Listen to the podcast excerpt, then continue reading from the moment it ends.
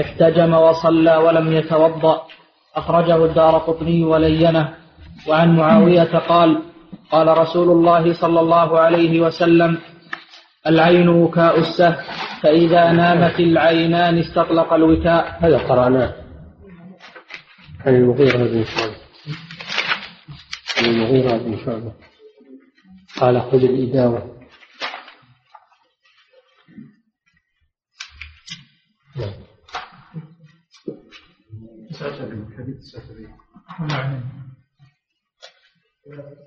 حديث المغيرة.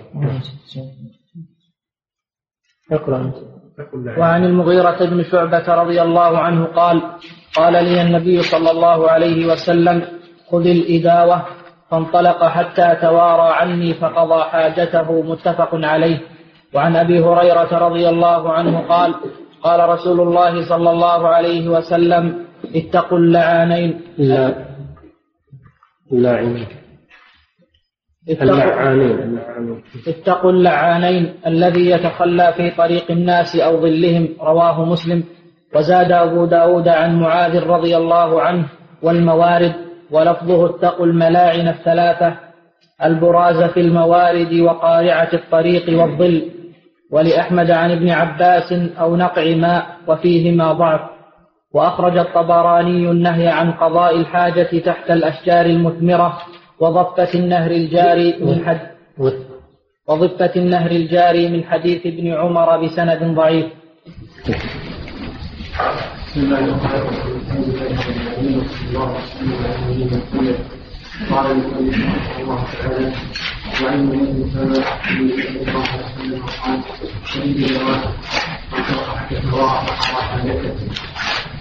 عليه أبي هريره رضي الله عنه قال قال النبي صلى الله عليه وسلم اتقوا عليه الذي في طريق الناس أو وجههم رواه مسلم وعن ولي ولأبي داود وزاد وزاد أبو داود عن معاذ رضي الله عنه. أول أول موارد ولفظه اتقوا الملاعن الثلاث. الذي الذي البراءة الموارد وقال في الطريق والظل. ولأحمد عن ابن عباس أو نقع ماء وفيه من الضعف وعن الطبراني. وأخرج الطبراني وأخرج الطبراني النهي عن قضاء الحاجة عن قضاء الحاجة تحت الأشجار المثيرة. وغصة النهي الجاري عن من حديث ابن عمر بسند ضعيف. بسم الله الرحمن الرحيم. الحمد لله والصلاة والسلام على رسول الله وبعد. عن أبي هريرة رضي الله عنه قال عن المغيرة بن شعبة رضي الله عنه قال قال لي رسول الله صلى الله عليه وسلم خذوا الإزاوة فانطلق حتى توارى مني فقضى حاجته متفق عليه عن أبي هريرة رضي الله عنه قال قال رسول الله صلى الله عليه وسلم اتقوا اتقوا اللعانين الذي يتخلى في طريق الناس أو في ظلهم رواه مسلم. وزاد أبو داود عن معاذ والموارد ولفظه اتقوا الملاعن الثلاث البرازه في الطريق أو قارعه البرازه البرازه في الطريق وقارعه البرازه في البرازه في الموارد وقارعه الطريق والظل.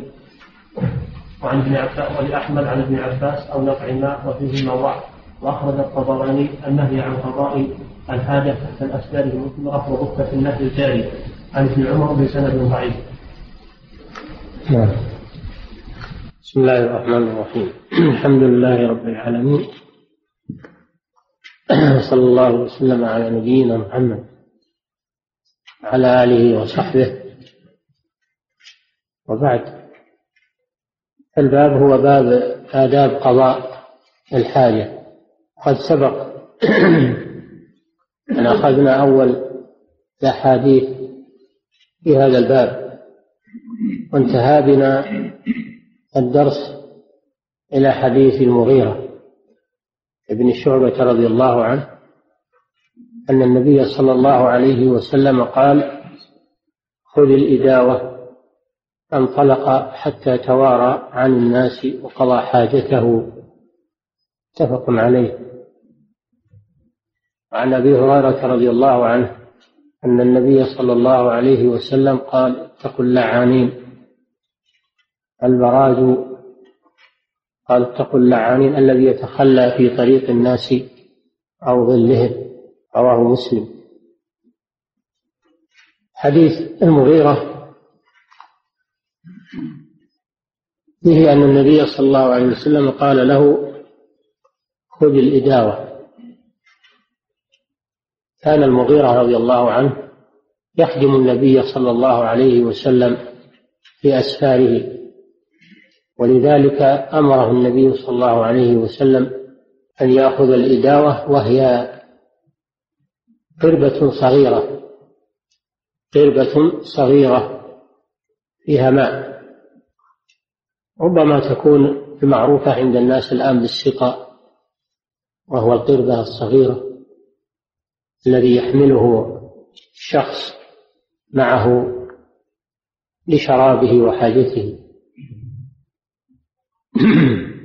كما يكون مع الرعاة وغيرهم. قال خذ الإداوة يعني احملها معك. ثم انطلق صلى الله عليه وسلم أي ذهب حتى توارى عن الناس يعني تغيب عنهم وعن أنظارهم. قضى حاجته صلى الله عليه وسلم. يعني واستنجى بالماء الذي في الإداوة بعد قضاء حاجته صلى الله عليه وسلم. فدل هذا الحديث على مسائل من آداب قضاء الحاجة. أولا فيه خدمة الصالحين وأهل العلم.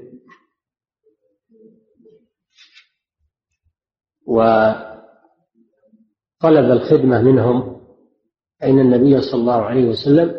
أمر المغيرة طلب منه ذلك. ليس في هذا حرج أن الإنسان يخدم أهل الفضل وليس فيه حرج أن أهل الفضل أيضا يطلبون من يخدمهم ويعينهم. المسألة الثانية فيه حياء النبي صلى الله عليه وسلم حيث إنه ابتعد عن أنظار الناس عند قضاء حاجته صلى الله عليه وسلم. فهذا فيه من آداب قضاء الحاجة أن الإنسان يبتعد عن الناس حتى يتوارى عنهم إما في جدار وإما خلف شجرة وإما في منخفض من الأرض بحيث لا يراه الناس وهو يقضي حاجته. لأن في هذا سترا عنهم وفيه أيضا آه، وفيه أيضا تأدب مع الآخرين حيث لا يضايقهم أو أو يؤذيهم في هذا المنظر. الذي يريد قضاء الحاجة يتوارى عن الناس.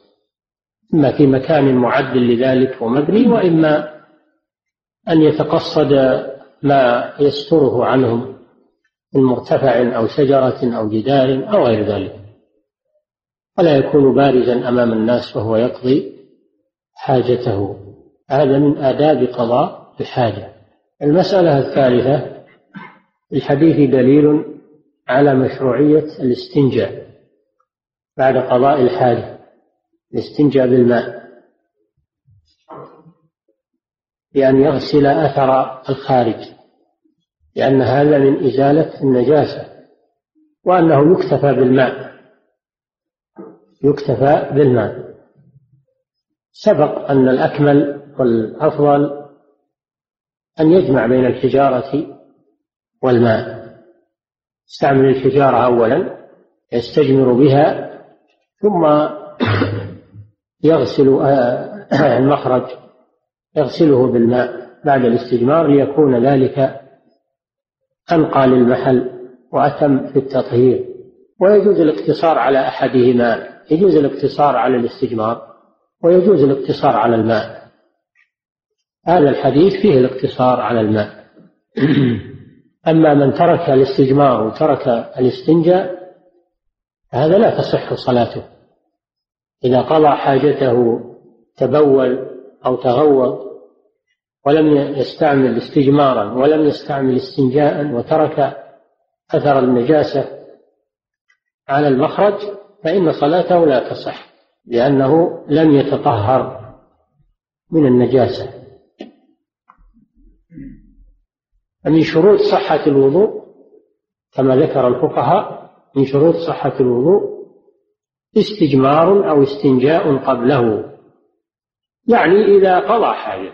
أما إذا كان أنه سبق أن استنجى أو استجمر ثم أراد أن يتوضأ فإنه يكتفي بأعضاء الوضوء. لأن بعض العوام يفهم أن الاستنجاء أو الاستجمار أن الاستنجاء بالذات يفهم أن الاستنجاء لا بد منه مع الوضوء.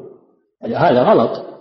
الاستنجاء إنما يجب إذا خرج منه خارج من بول أو غائط إنه يستنجي. أما إذا كان سبق أنه استنجى أو استجمر فإذا أراد أن يصلي فإنه يتوضأ ويغسل أعضاء الوضوء فقط. فالاستنجاء والاستجمار إنما هو إزالة نجاسة يفعل عند الحاجة فقط وليس هو من أعضاء الوضوء. هذا ما يدل عليه حديث المغيرة بن شعبة رضي الله عنه. أما حديث أبي هريرة فيه أن النبي صلى الله عليه وسلم قال اتقوا اللاعنين الذي يتخلى في طريق الناس أو ظلهم. زاد أبو داود والموارد. لفظه اتقوا الملاعن الثلاث. الذي آه، البراز في الموارد وقارعة الطريق والظل. ولأحمد آه، آه، زاد تحت الأشجار المثمرة. الأشجار المثمرة. زاد الطبراني نقع الماء أو ضفة النهر الجاري. إذا تكون المواضع ستة. تكون المواضع المنهي عن التبول والتغوط فيها ستة. قارعة الطريق هذا واحد والظل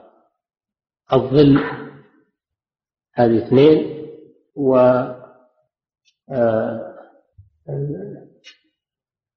والبراز في الموارد وقارعة الطريق والظل. هذه ثلاثة. الظل هو الثالث. والرابع الأشجار تحت الأشجار المثمرة والخامس على ضفة النهر الجاري والسادس نقع الماء. كل هذه المواضع لا يتبول فيها ولا يتغوط فيها. هذا عدها على سبيل الإجمال. أما الموضعين الأولين الطريق والظل فهذا في صحيح مسلم. لا كلام في صحته. وأما رواية أحمد ورواية أبي داود ورواية طبراني هذه فيها ضعف. لكنها تعتضد برواية مسلم. ولذلك ساقها المصنف بعد رواية مسلم. لأنها وإن كانت حديث ضعيفة إلا أنها تعتضد بما في صحيح مسلم من رواية أبي هريرة. الموضع الأول الطريق في رواية مسلم. الطريق الذي يتخلى بطريق الناس الموضع الثاني الظل. هذا في صحيح مسلم. طريق جاء في رواية أبي داود أن المراد قارعة الطريق. قارعة الطريق. وقارعة الطريق هي الجادة. التي قرعتها الأقدام ووسمتها الأقدام التي قرعتها الأقدام ووسمتها الأقدام ذاهبة وراجعة هذه قارعة الطريق. والظل معروف مراد به الظل الذي ينتفع به يجلس الناس فيه يستظلون به ظل الجدار أو ظل الشجرة أو ظل الجبل. يجلس الناس فيه ويستظلون به من الشمس لأنه من المرافق العامة فإذا قضى حاجته في طريق الناس أو في ظلهم فإنه قد أساء إليهم وسبب لعنهم له ولذلك سماها اللعانين اللعانين جمع تثنية لعان تثنية لعان أو اللاعنين تثنية لاعن. بمعنى أن الناس يلعنونه إذا رأوا أنه قد تخلى يعني قضى حاجته. تخلي معناه قضاء الحاجة. سمي تخليا لأن الذي يقضي حاجته يخلو عن الناس يخلو عن الناس. فالتخلي كناية عن قضاء الحاجة لأن الشرع يعبر عن الأشياء المستكرهة يعبر عنها بالكناية ولا يذكرها بألفاظها إنما يعبر عنها بالكناية دائما ولا يستعمل الألفاظ المستكرهة أبدا.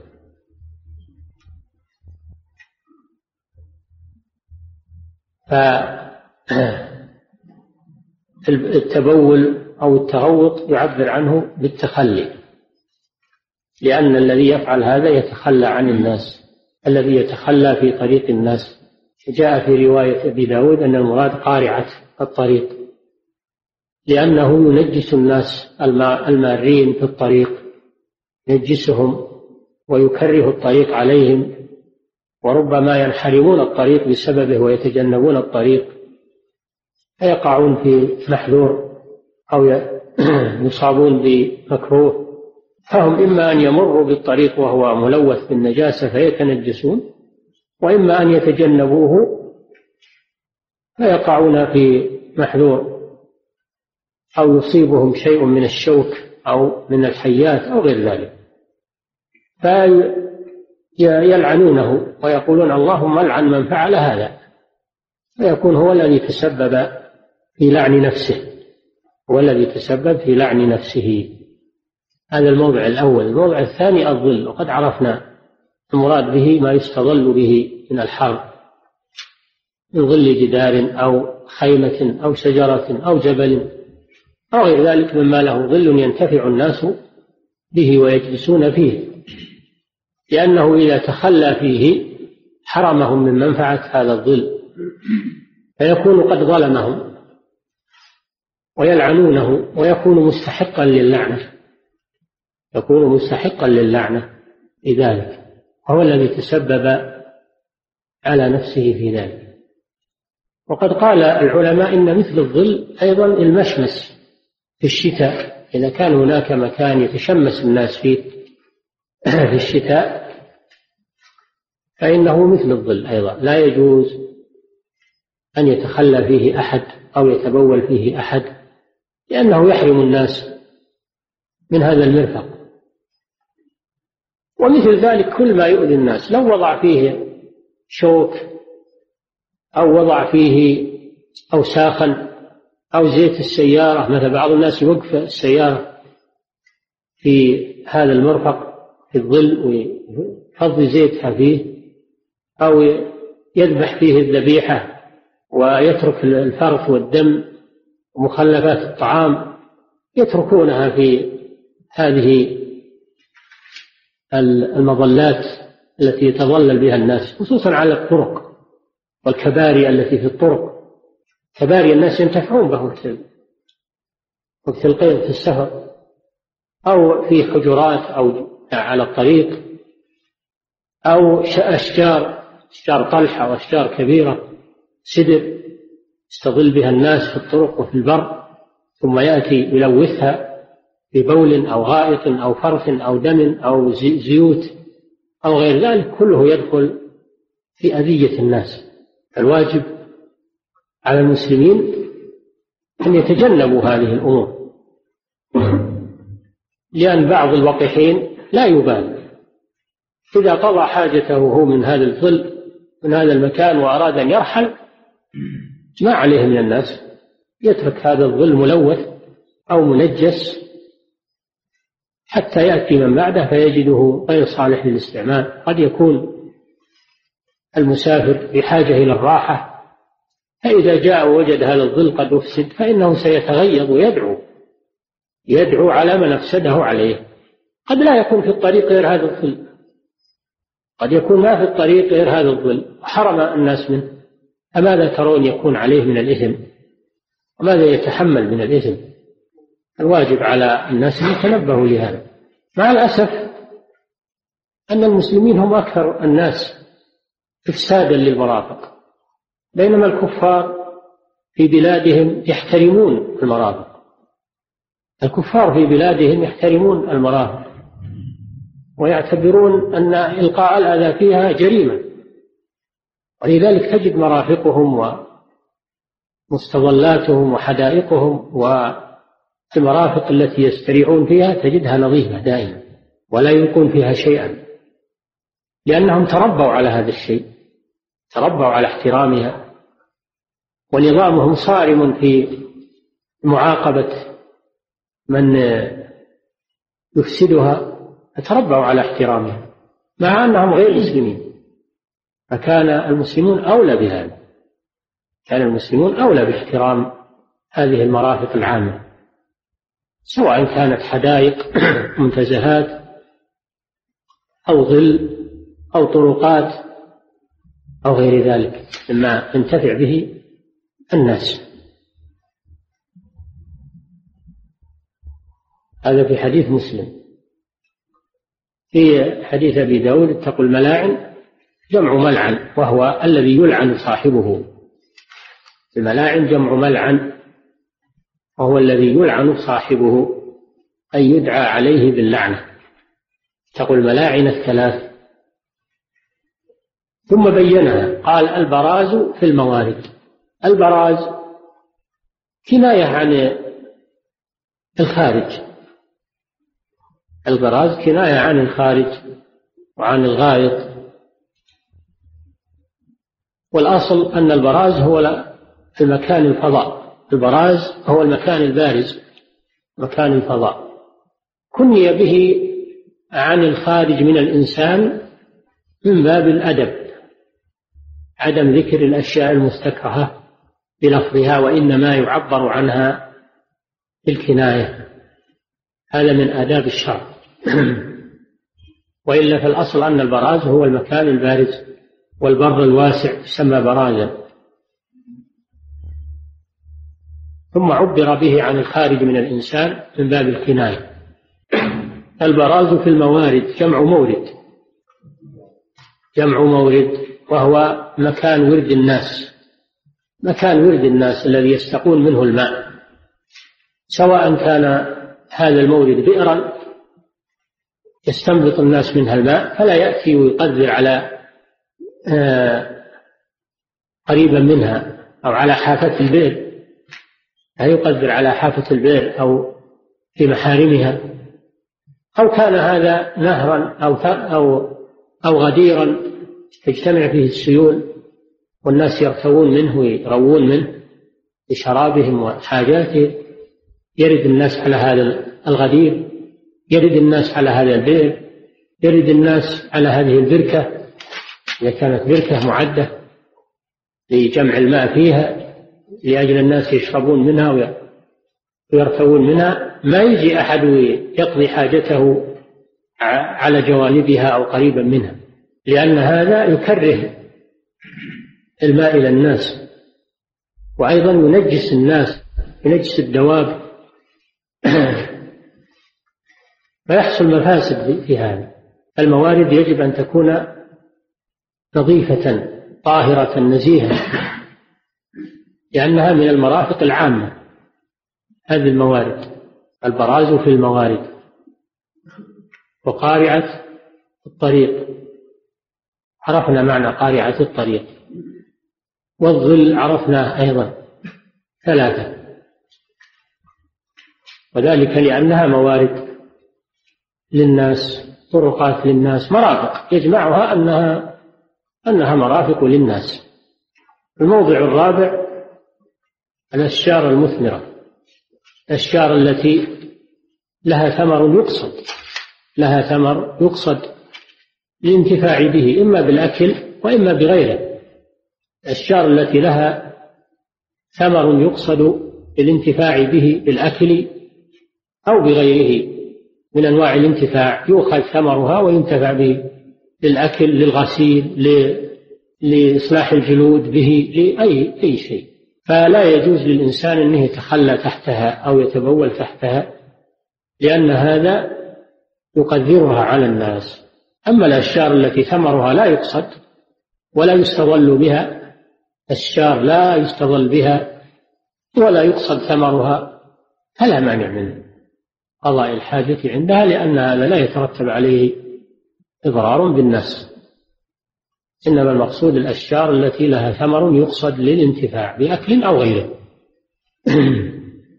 لأن هذا يقدرها على الناس.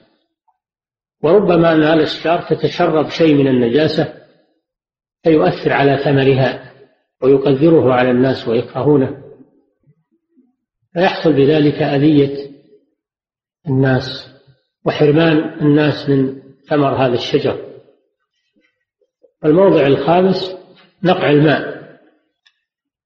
الماء المتجمع من السيول أو من غيرها لا يتبول الإنسان فيه ولا يقضي فيه حاجته لأن هذا الماء النقعي ينتفع به تشرب منه الدواب أو ربما يشرب منه الناس إذا كان عذبا ليس هناك غيره يشربون منه يعتبر من الموارد.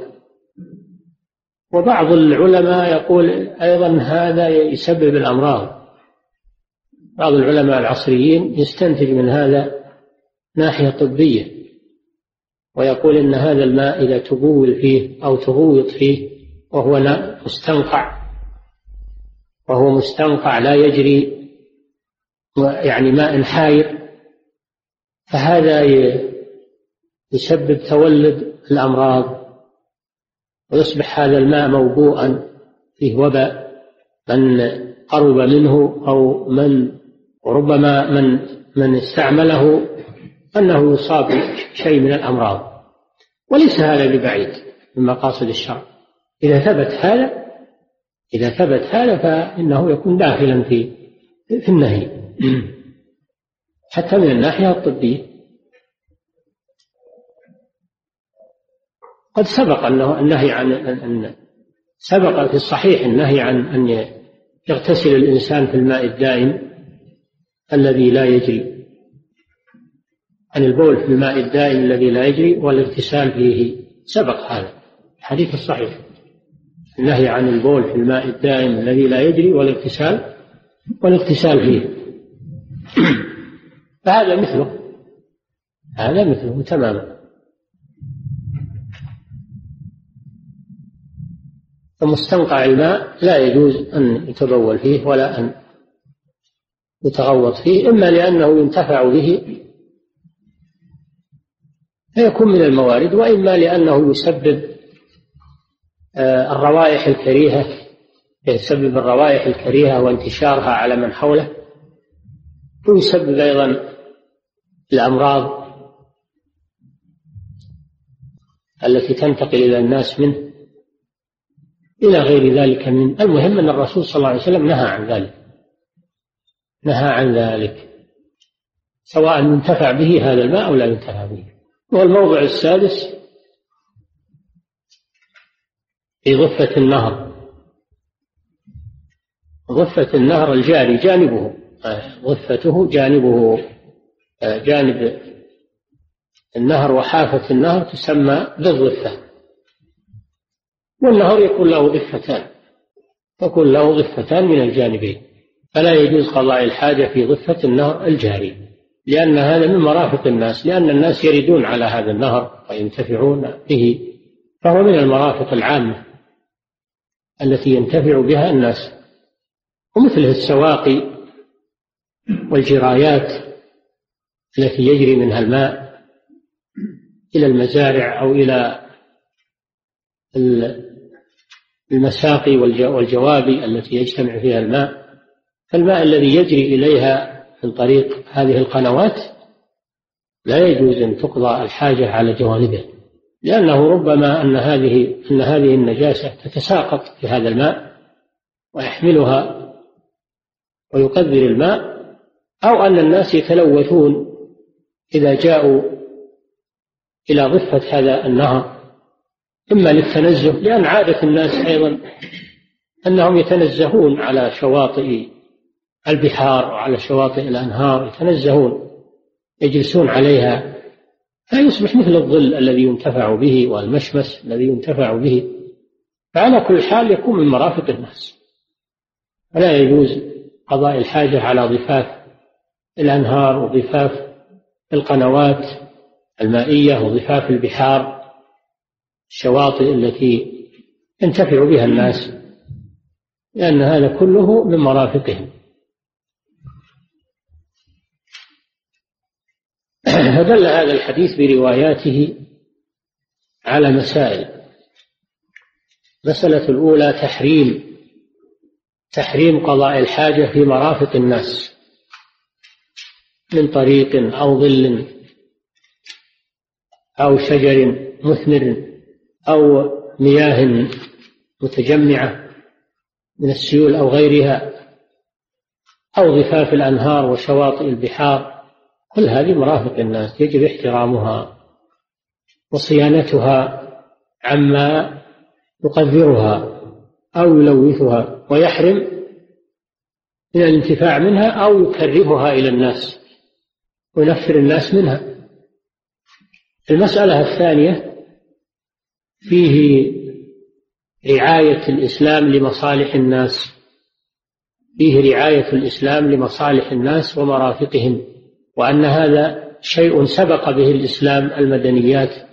الحديثة التي تنادي الآن بحماية البيئة وتنادي الآن بالنظافة الإسلام سبق هذا كله سبق هؤلاء.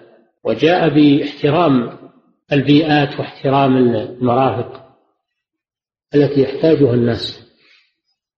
المسألة الثالثة في الحديث دليل على أن من آذى على أن من آذى الناس فقد استحق لعنتهم. حديث دليل على أن من آذى الناس فقد استحق لعنتهم. قوله صلى الله عليه وسلم اتقوا الملاعن اتقوا اللعانين فهذا يدل على تحريم هذا الشيء وأنه يستحق اللعنة. الله تعالى يقول والذين يؤذون المؤمنين والمؤمنات بغير ما اكتسبوا فقد احتملوا بهتانا وإثما مبينا. احتملوا بهتانا وإثما مبينا. أذية الناس بأي أذى بالكلام أو بالفعل أو بالتخويف والإرهاب أو غير ذلك. كله يدخل في هذا الوعيد يدخل في هذا الوعيد الشديد. والذين يؤذون المؤمنين والمؤمنات بغير ما اكتسبوا قد احتملوا بهتانا وإثما مبين. والاعتداء لا يجوز حتى على الكفار. الاعتداء لا يجوز حتى على الكفار.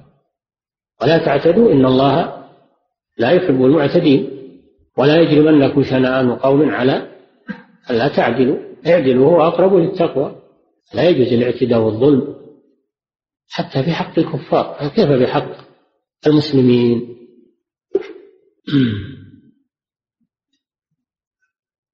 هذا ما يدل عليه هذا الحديث برواياته ونظرا لأن هذه الليلة ما استعدينا لهذا الدرس نكتفي بهذا ويكون بداية خير إن شاء الله.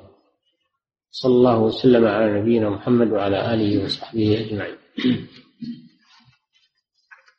بسم الله الرحمن الرحيم. يقول السائل فضيلة الشيخ حفظكم الله هل يقاس على قارعة الطريق والظل والأنهار وموارد المياه جميع المرافق سواء كان ذلك حديقة أو مدرسة أو مبنى عام أو أرصفة ونحو ذلك؟ لا شك. لا شك أن كل ما ينتفع به الناس فإنه يدخل ويقاس على ما وردت به هذه الأحاديث. بجامع أنها كلها مرافق ينتفع بها الناس فلا يجوز أن يحدث فيها ما يضايق الناس ويضرهم. هذا إذا كان هذا الانتفاع مباحا إذا كان الانتفاع بهذه الأشياء مباحا. أما الانتفاع المحرم الاجتماعات الفاسدة والاجتماعات المحرمة هذه لا حرمة لها. إذا كان معد إذا كان مكان معدا اجتماع الفسقة واجتماع المجرمين فيه لتعاطي المعاصي هذا لا حرمة له. هذا المكان يجب إتلافه يجب هدم الدار التي يجتمعون فيها وإحراق المكان. النبي صلى الله عليه وسلم هم بإحراق بيوت المتخلفين عن الصلاة هم بإحراقها عليه لا حرمة للأمكنة والمرافق التي تستعمل للفساد وللمعاصي. إنما الكلام على المرافق المباحة التي لها حرمة. نعم.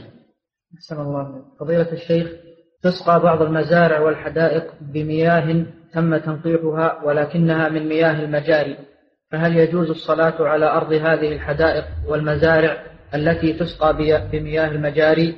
وهل يجوز استخدام مخلفات الإنسان أو الغائط كأسمدة للنباتات؟ لأننا نلاحظ أن بعض المزارع تستخدم هذه المخلفات. إذا كانت هذه المياه تحمل رائحة النجاسة أو آثار النجاسة موجودة فيها فلا يجوز سقيها للأشجار. لا يجوز سقيها للأشجار والمزارع. ولا تجوز الصلاة في المكان الذي تصيبه هذه المياه. ما دامت رائحة النجاسة موجودة فيها أو عين النجاسة.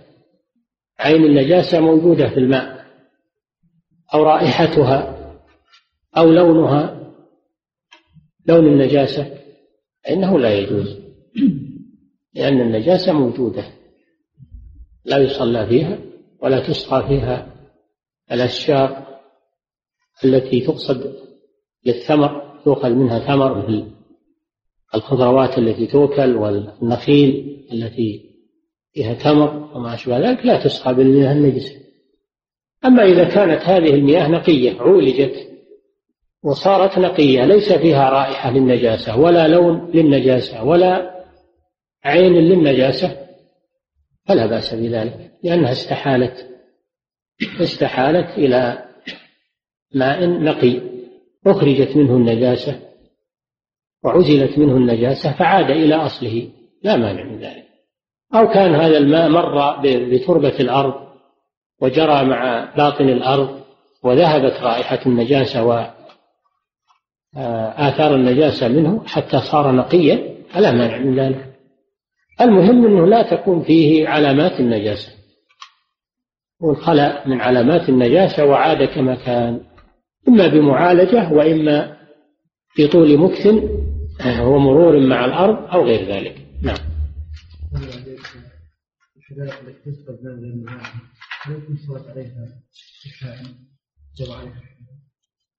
الفقهاء يقول إذا فرش أرضا نجسة أو طينها بطاهر جازت الصلاة مع الكراهة. تجوز مع الكراهة. نعم.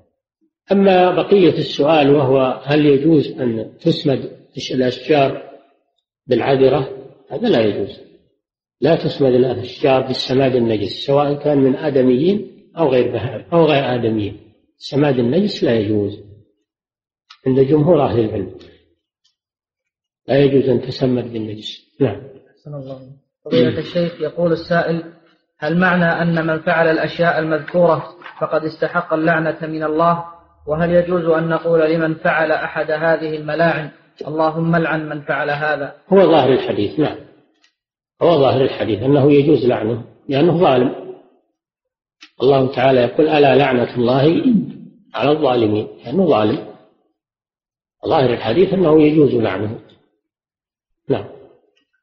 أحسن الله عليك يقول في أحد المدن في مكان يجلس فيه بعض الناس ويجتمعون فيه وقت العصر وهذا المكان حول طريق للسيارات ولقد تضرر منهم المشاة حيث أنهم يضايقون المارة بالضحك عليهم ويضايقون أصحاب السيارات أي حيث يحاولون الإضرار بالسيارات بعيونهم. فجاء أحد الناس وصب في المكان ديزل لكي لا يجلسون في هذا المكان. فهل في ذلك الفعل محذور؟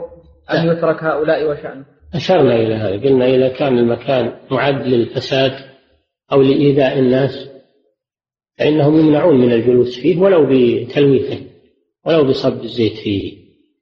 لأن هذا ليس مرفقا مباحا.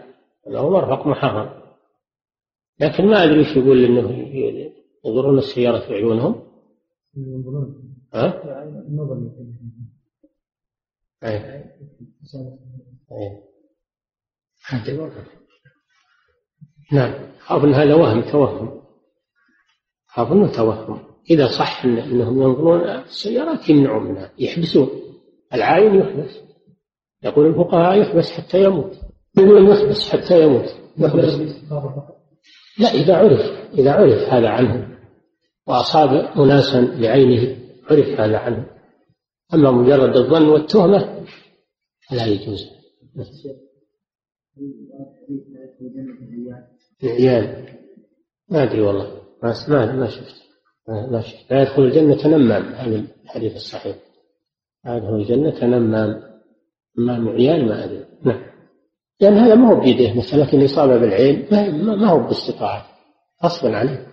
غصبا عليه. نعم. أحسن الله. يقول السائل السلام عليكم ورحمة الله وبركاته. وبعد يوجد لدينا في العمل موظفين من الرافضة فأرجو من فضيلتكم بيان كيفية التعامل معهم وذلك مثلا في السلام والمعايدة لهم وهل أسلم وأعايد الموظفين من أهل السنة وأترك هؤلاء؟ علما بأني أجد حرجا في فعل ذلك العمل. أولا يجب أن هؤلاء يسعى يسعى في إبعادهم. يسعى في إبعادهم عن الأعمال التي يتضرر بها أهل السنة منهم.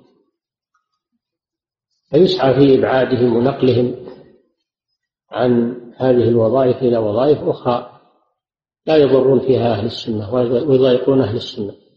يجب أن ينظر في هذا الموضوع ويدرس. أن هذا أصبح يشكى منه كثيرا. أما الأمر الثاني أنت لا تبدأهم بالسلام لكن إذا سلموا رد عليهم. أنت لا تبدأهم بالسلام لكن إذا سلموا عليك ترد عليهم. كما يكون هذا مع الكفار من اليهود وغيرهم. نعم. صلى الله عليه فضيلة الشيخ يقول السائل عندي أرضين أحدهما لكي أبني عليها منزلا أسكنه بينما الأرض الأخرى اشتريتها إما لتساعدني قيمتها لبناء منزلي أو لتحفظ أموالي. فهل في الأرض الثانية زكاة رغم أنني لم أعرضها للبيع؟ الذي لا يقصد للبيع ليس فيه زكاة الذي يقصد للعقار والبقاء. ولا يقصد للبيع ليس فيه زكاة. إلا إذا أجر فإن الزكاة تجب في أجرته تجب الزكاة في أجرته. أما إذا بقي ولم يؤجر ولم يرد للبيع فليس فيه زكاة لأن الزكاة إنما تكون في الأموال التجارية الأموال النامية. نعم. يقول السائل فضيلة الشيخ وفقه الله هل يشترط في صيام النفل النية؟ والسؤال الثاني الإنكار على الذين يؤذون الناس هل يكون من قبل ولاة الأمور أم هو عام؟ نعم الصيام لا بد له من نية كل عبادة لا بد لها من نية. فلا تصح بدون نية لقوله صلى الله عليه وسلم إنما الأعمال بالنيات وإنما لكل امرئ ما نوى. لكن لا تشترط النية من الليل. فلو أنه أصبح ولم ينوي الصيام من الليل وأصبح وهو لم يأكل ولم يشرب ثم نوى الصيام من النهار فلا بأس. لا بأس أن ينوي الصيام من النهار بشرط أن لا يكون سبق هذا الفجر أكل أو شرب. هذا في النفل أما الفريضة فلا بد من النية من أول النهار من طلوع الفجر. نعم.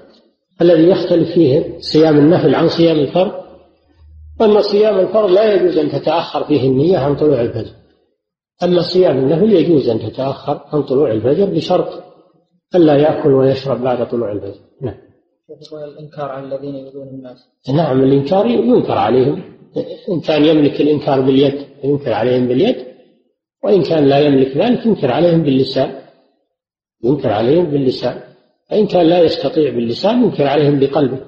قوله صلى الله عليه وسلم من رأى منكم منكرا فليغيره بيده فإن لم يستطع فبلسانه فإن لم يستطع فبقلبه المنكر لا بد من إنكاره إما باليد وإما باللسان وإما بالقلب. نعم.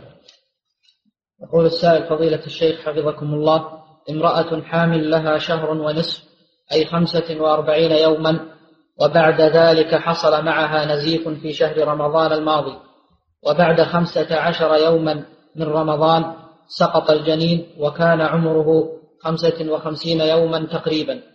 فصامت وصلت رغم نزول دم منها. ما عدا يوم واحد وهو اليوم الذي سقط فيه الجنين. وبعد نهاية شهر رمضان قضت ذلك اليوم الذي أفطرت فيه. السؤال هل يلزم هذه المرأة قضاء الأيام التي قبل الإسقاط والتي بعدها أم أن هذا الدم حكمه حكم الاستحاضة؟ جزاكم الله خير. لا ما عليها قضاء صيامها صحيح إن شاء الله. وهذا الدم ليس دم حيض وإنما هو نزيف. هذا يسمونه بالنزيف. نزيف بسبب الحمل. وصيامها صحيح لا حرج عليه. نعم. سن الله عليكم يقول فضيلة الشيخ هل تجوز الصلاة بين السواري إذا كانت تقطع الصف؟ عند الحاجة. الصحة الصحة تصح. الصلاة الصحة تصح الصلاة. لكن الفقهاء يقول يكره وقوفهم بين السواري إذا قطعنا الصفوف إذا قطعنا الصفوف. هذا مع الإمكان. أما إذا كان المسجد ضيق ولا فيه مكان لا مانع. من غير كراهة. إذا كان هذا لضيق المسجد فإنه يجوز من غير كراهة. أما إذا كان هذا مع سعة المسجد فإنه يجوز مع الكراهة. وعلى كل الصلاة صحيحة. إن شاء الله. نعم. فضيلة الشيخ وفقكم الله متى يشار بالسبابة في التشهد؟ صحيح أنه يشار بها عند مرور لفظ الجلالة في الدعاء أو التشهد. عندما يمر لفظ الجلالة في التشهد أو في الدعاء إنه يشير بأصبعه السبابة إشارة إلى التوحيد. نعم. يقول السائل فضيلة الشيخ حفظكم الله لدي مبلغ من المال بلغ النصاب وقبل تمام الحول بشهر زاد المبلغ الأول فهل علي إخراج زكاة المبلغ الأول لوحده أم مع المبلغ الثاني؟ إذا كانت الزيادة ربح إذا كانت الزيادة ربحا للمال الأول فإنها تتبعه. يخرج الزكاة عن الجميع ولو كانت الزيادة متأخرة لأن حولها حول رأس المال. أما إذا كانت الزيادة ليست ربحا لهذا المال وإنما هي مال آخر فلا تجب فيه الزكاة حتى يتم عليها الحول يعني يتم الحول على الزيادة. إلا إن أراد أن يعجل زكاتها التعجيل جائز إنما الوجوب لا يجب إلا على تمام رأس الحول. نعم. أحسن الله إليكم. يقول السائل هل يجوز لمن عليه قضاء من رمضان أن يصوم ستا من شوال؟ خلاف الأولى. الأولى أن يصوم القضاء ثم يصوم الست من شوال. هذا هو الأولى وخروجا من الخلاف. لأن يعني فيه من العلماء من يرى أنه لا يجوز أن يصوم الست قبل القضاء لكن الجمهور على الجواز لأن القضاء وقته موسع لأن القضاء وقته موسع. بخلاف الست فإن وقتها مضيق لأنها محدودة بالشهر فقط. وقتها مضيق. الجمهور على أنه يجوز أن يصوم الست قبل القضاء. لكن من العلماء من يقول لا لا يجوز لأن الرسول صلى الله عليه وسلم قال من صام رمضان وأتبعه صام رمضان وأتبعه ستة من شوال. الرسول إنما قال من صام رمضان. والذي عليه قضاء لم يصم رمضان كله باق عليه. على كل حال خروجا من الخلاف يقدم القضاء. نعم. صلى الله عليه وسلم. ويضاق الوقت عليه في شهر شوال يصوم القضاء يقولون اللي يقولون ما يجوز يقولون يصوم القضاء. ولو ولو ضاق الوقت. الجمهور يقولون ما خالف ضاق الوقت أو لم يضاق. بل إذا ضاق الوقت فهو أولى عند الجمهور. نعم. الله عليكم. يقول السائل فضيلة الشيخ كنت محرما للعمرة فقطعت شعرة واحدة من رأسي ناسيا أني محرم. فهل علي شيء في ذلك؟ لو تصدقت يعني على مسكين يكون أحوط لتطمئن إليه النفس إن شاء الله ما عليك شيء. لكن فقهاء يقولون هذا إتلاف. والإتلاف يستوي فيه العامد والناسي. إتلاف ولو تصدقت على مسكين في الحرم يكون أحوط وأبرى للذمة. نعم. صدق بكم نصف ساعة يعني نصف كيلو ونصف. كيلو ونصف نصف ساعة. نعم. الله تعالى أعلم وصلى الله وسلم. نعم. النهر كونه جاهل لأنه ينتفع به أما غير الجاري ما هو محل يعني. نهر الجاري ينتفع به. نعم. وأيضا الناس يجلسون عليه يشوفون يتفرجون ويتنزهون خلاف الجاري الناس ما يجون له يصير معطل. نعم ها؟ اللعانين. اللعانين. جمع لعان تثنية لعان.